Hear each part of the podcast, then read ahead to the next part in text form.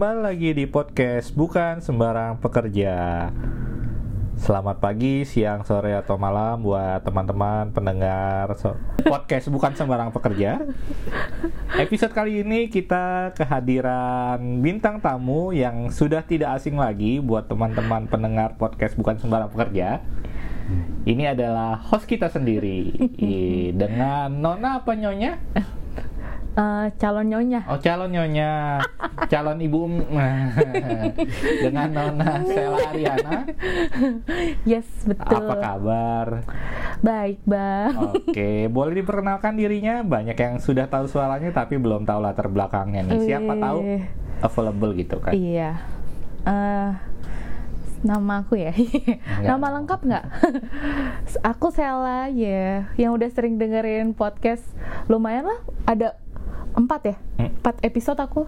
Oh ada empat episode. Iya. Sela siapa namanya? Sela Ariana. Oh ada marganya? Kebetulan belum ada yang margain. Oh Ah, belum, iya. Namanya Sela Ariana. Masih didoain sih itu. Oke. Oke, Sela kesibukannya apa sekarang? Kalau pelayanan mungkin sejak pandemi ini eh, aku sih sebenarnya kalau tercatat ya tercatat di Mhm. gereja jadi pelayan Pelkat PT. Pelayan Pekat PT. Mm-mm, Kalau tapi aktivitas sehari-harinya berjualan, sehari-harinya enggak, jualan online, enggak, baca kartu tarot. bukan Oke, apa? di belakang komputer. Di belakang komputer. Enggak, yang ngebenerin komputer itu loh. enggak, staff di di suatu perusahaan lah. Staff di swasta ya. Yes. Oke, berarti kerja 9 to 5. Sekarang Iya. masih kerja di kantor atau kadang di kantor, kadang di rumah. Pokoknya sehari kantor, sekali di rumah. sehari kantor sehari di rumah? ya, Oke. sejak pandemi inilah kita harus menyesuaikan ya. Siapa yang menyesuaikan? Saya sih. Oh iya, oke. Selama ini pelayanan apa aja selain pelayan PT apalagi? Nggak ada sih se dari awal melayani mengambil pelayanan langsung ke PT. Oh, jadi dari awal Dari langsung awal, ke PT. iya. Kalau gitu boleh ceritain gimana tuh awalnya tuh? Duh, awal mulanya ya. Mm-mm. Kalau ingat awal mulai itu selalu bergetar nih hati Wah, ini. bergetar. Udah ada yang bergetar belum mendengar suara ini? Iya. Awal mulanya itu ya balik sih. Dulu background latar belakang aku sih sesungguhnya sampai di aku kuliah yang namanya ke gereja sih jarang. Oke. Lebih tepatnya mungkin saat eh, dulu remaja atau saat masih kecil gitu ya orang tua nggak nggak maksain gitu kayak eh sel ke gereja gitu ayo harus ke gereja gitu enggak karena nggak tahu ya mungkin ini juga jadi pelajaran buat aku sih ya tahu deh mama sama papa kenapa nggak maksain tapi sebenarnya papaku eh, majelis sih Oke. Iya. Tapi mungkin karena akunya sendiri sih kayak kayaknya mungkin udah pernah dikasih tahu atau udah pernah dibilangin tapi akunya kayak orangnya keras kali ya. Jadi kayak ya udah sih ngapain sih ke gereja gitu maksudnya. Dulu tuh kayak gitu. Hmm. Kenapa mikirnya kayak gitu? Karena mikirnya dulu bisa sekolah, bisa makan, eh, segala kebutuhan tuh tercukupi gitu. Jadi ya balik lagi sih keluarga emang nggak pernah ada yang sempurna sih. Sampai suatu momen ketika udah kuliah nih kuliah jenjangnya udah harusnya udah ngelewatin CD katekisasi. Bahkan katekisasi aja tuh aku cuman datang katekisasi doang nggak datang gereja padahal kan harusnya biasanya catat firman Nyatet- nyatet firman gitu ah, gitu minta tangan Itu- pendeta. itu nggak aku nggak ngelakuin itu Tapi bisa lulus. ya nggak tahu mungkin jalur dalam kali ya Oke. jangan ditiru ya Ada orang dalam ya. jangan ditiru ya tapi itu ini yang eh, buat aku ngerasa bahwa sebenarnya sampai udah kuliah aja aku tuh nggak pernah ngerasain eh, kepada siapa sih aku harus minta?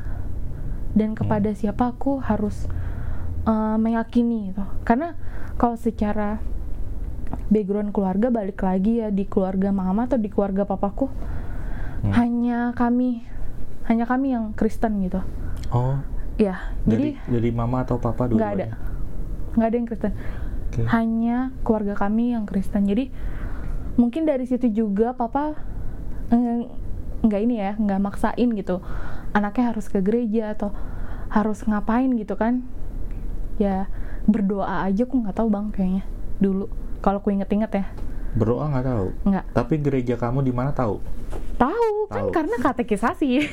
Nggak sebelum katekisasi janjian nggak tahu kalau gerejanya yang oh mana. tahu tahu. Karena kalau tiap Natal Oh, Oke. ya kan selalu diajak cek cek cek gitu kan.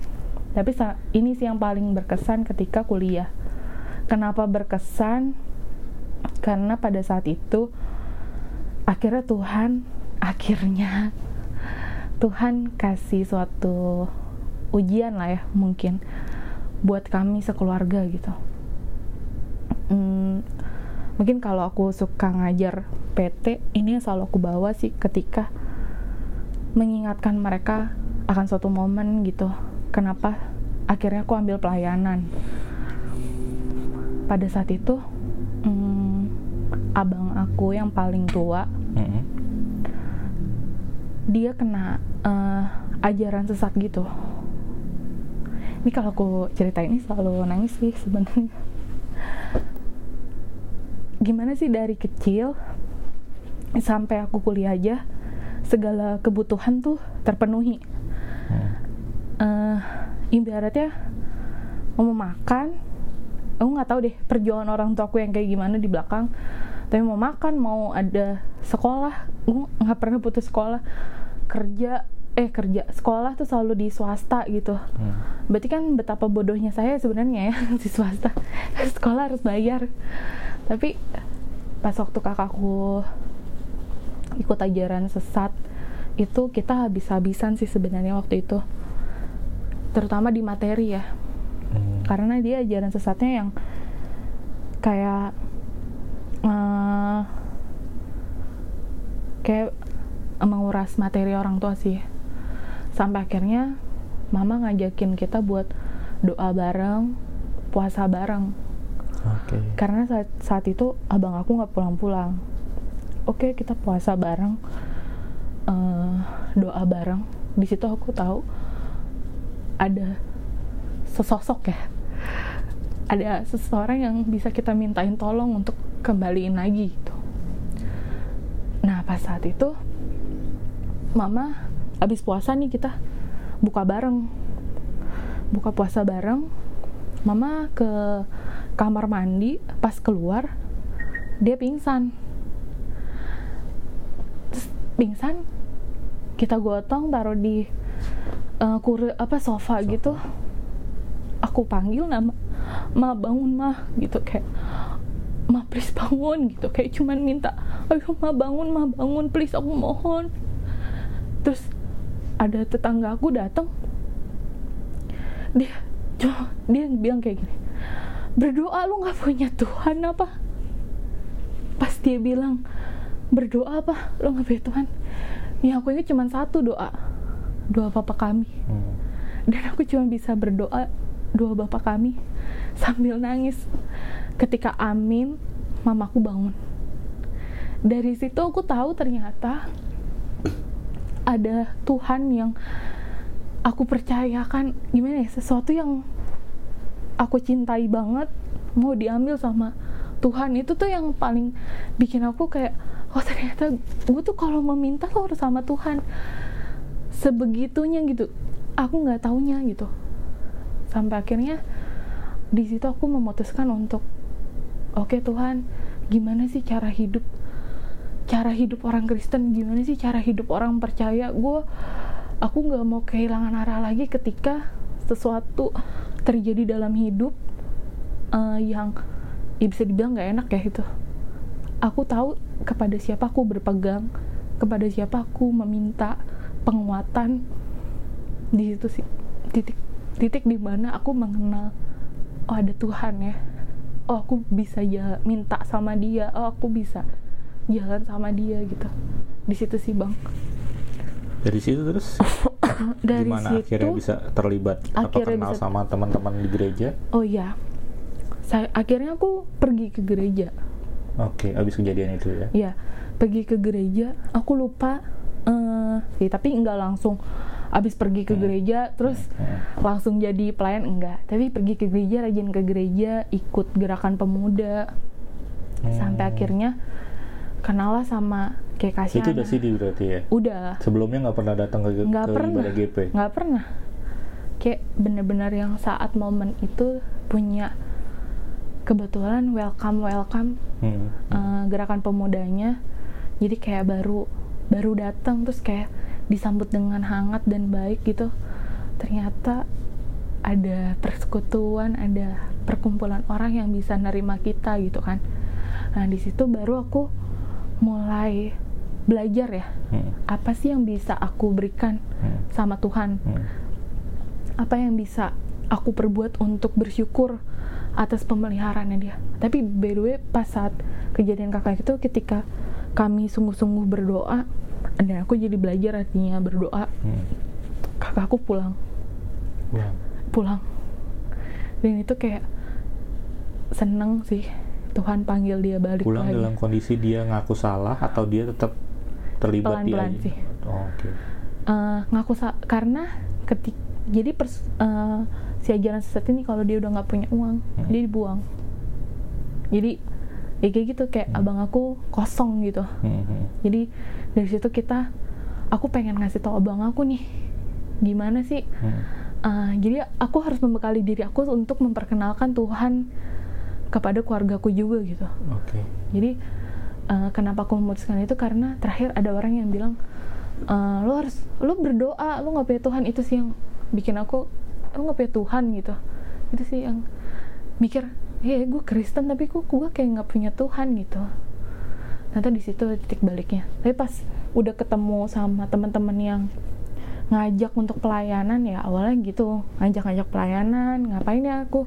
Oh nyanyi ikut vokal grupnya gitu. GP gitu ya ya. gitu-gitu. Masih yang vokal grup GP lah masih di GP gitu. Hmm, hmm. sampai akhirnya ada pemilihan pengurus pengurus pelayan Oh, pengurus pelayan PT. Uh, seluruh pelkat Oh, kan seluruh Pelkat. Nah pas habis itu lagi gereja sih biasa ngelihat warta PT tuh nggak ada pengurusnya.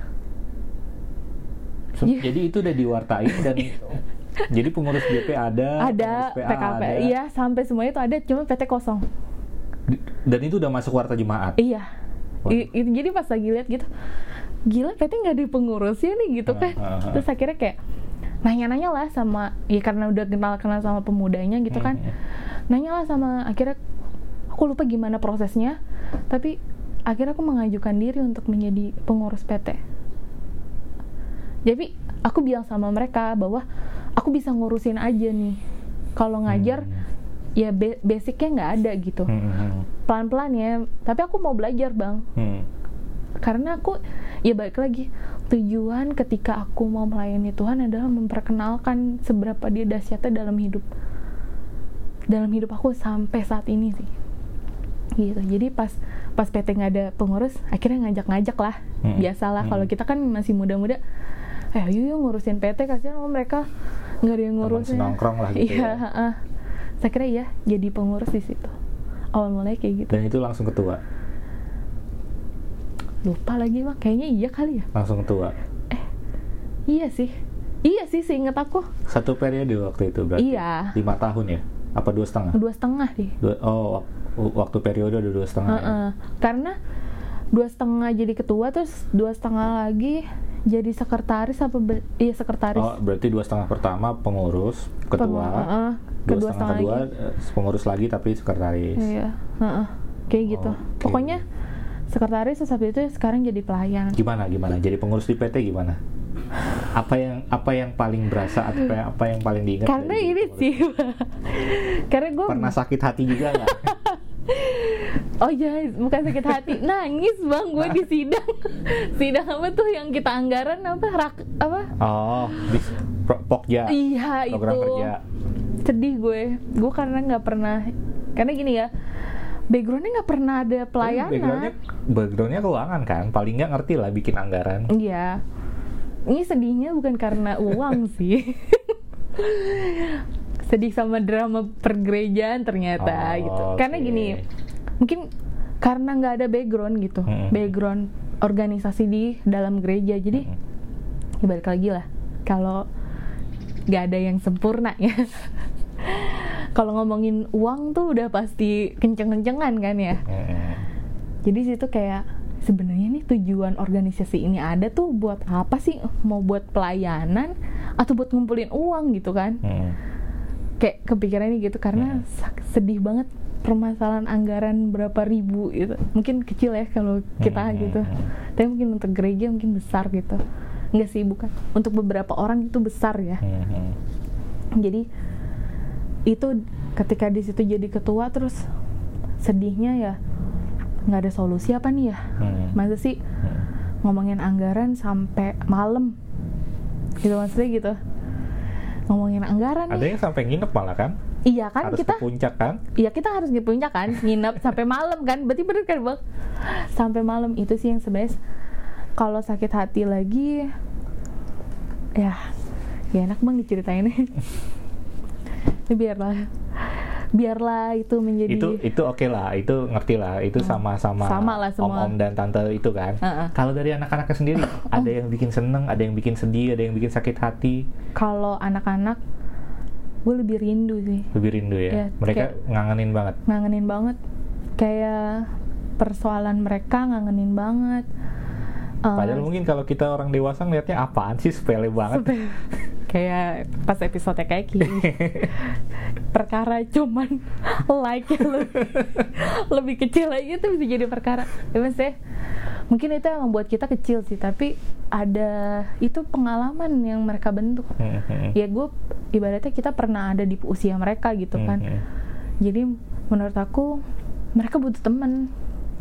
Dan aku pengen ada di situ. Sekalipun kita cuman bisa ketemunya seminggu sekali Eh, ya jujur sih jadi pelayan juga aku mungkin ngerasa juga kayak masih kurang untuk gimana cara pembawaan diri ke anak-anak. Maksudnya kayak gimana sih caranya intens ke mereka? Atau Hmm. kan kadang kita juga mikirnya ketika kita in- intens ke mereka apakah mereka terganggu atau enggak gitu kan? Mhm.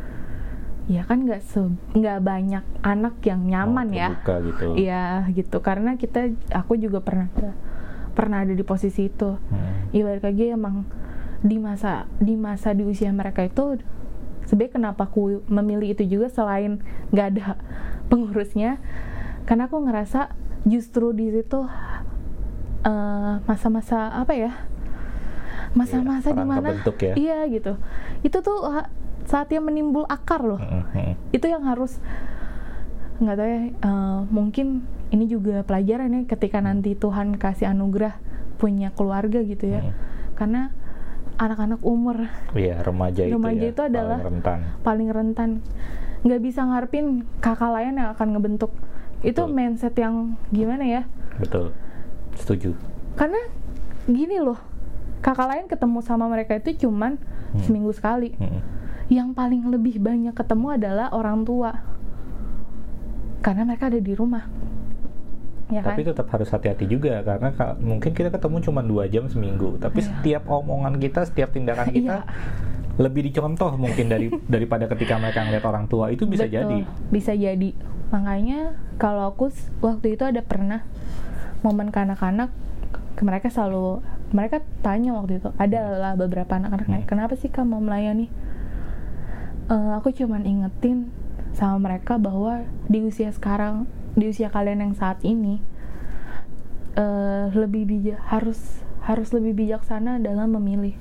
Karena kayak aku nggak mau ya jujur ya aku sebenarnya kalau banyak penyesalan mah penyesalan baik banget.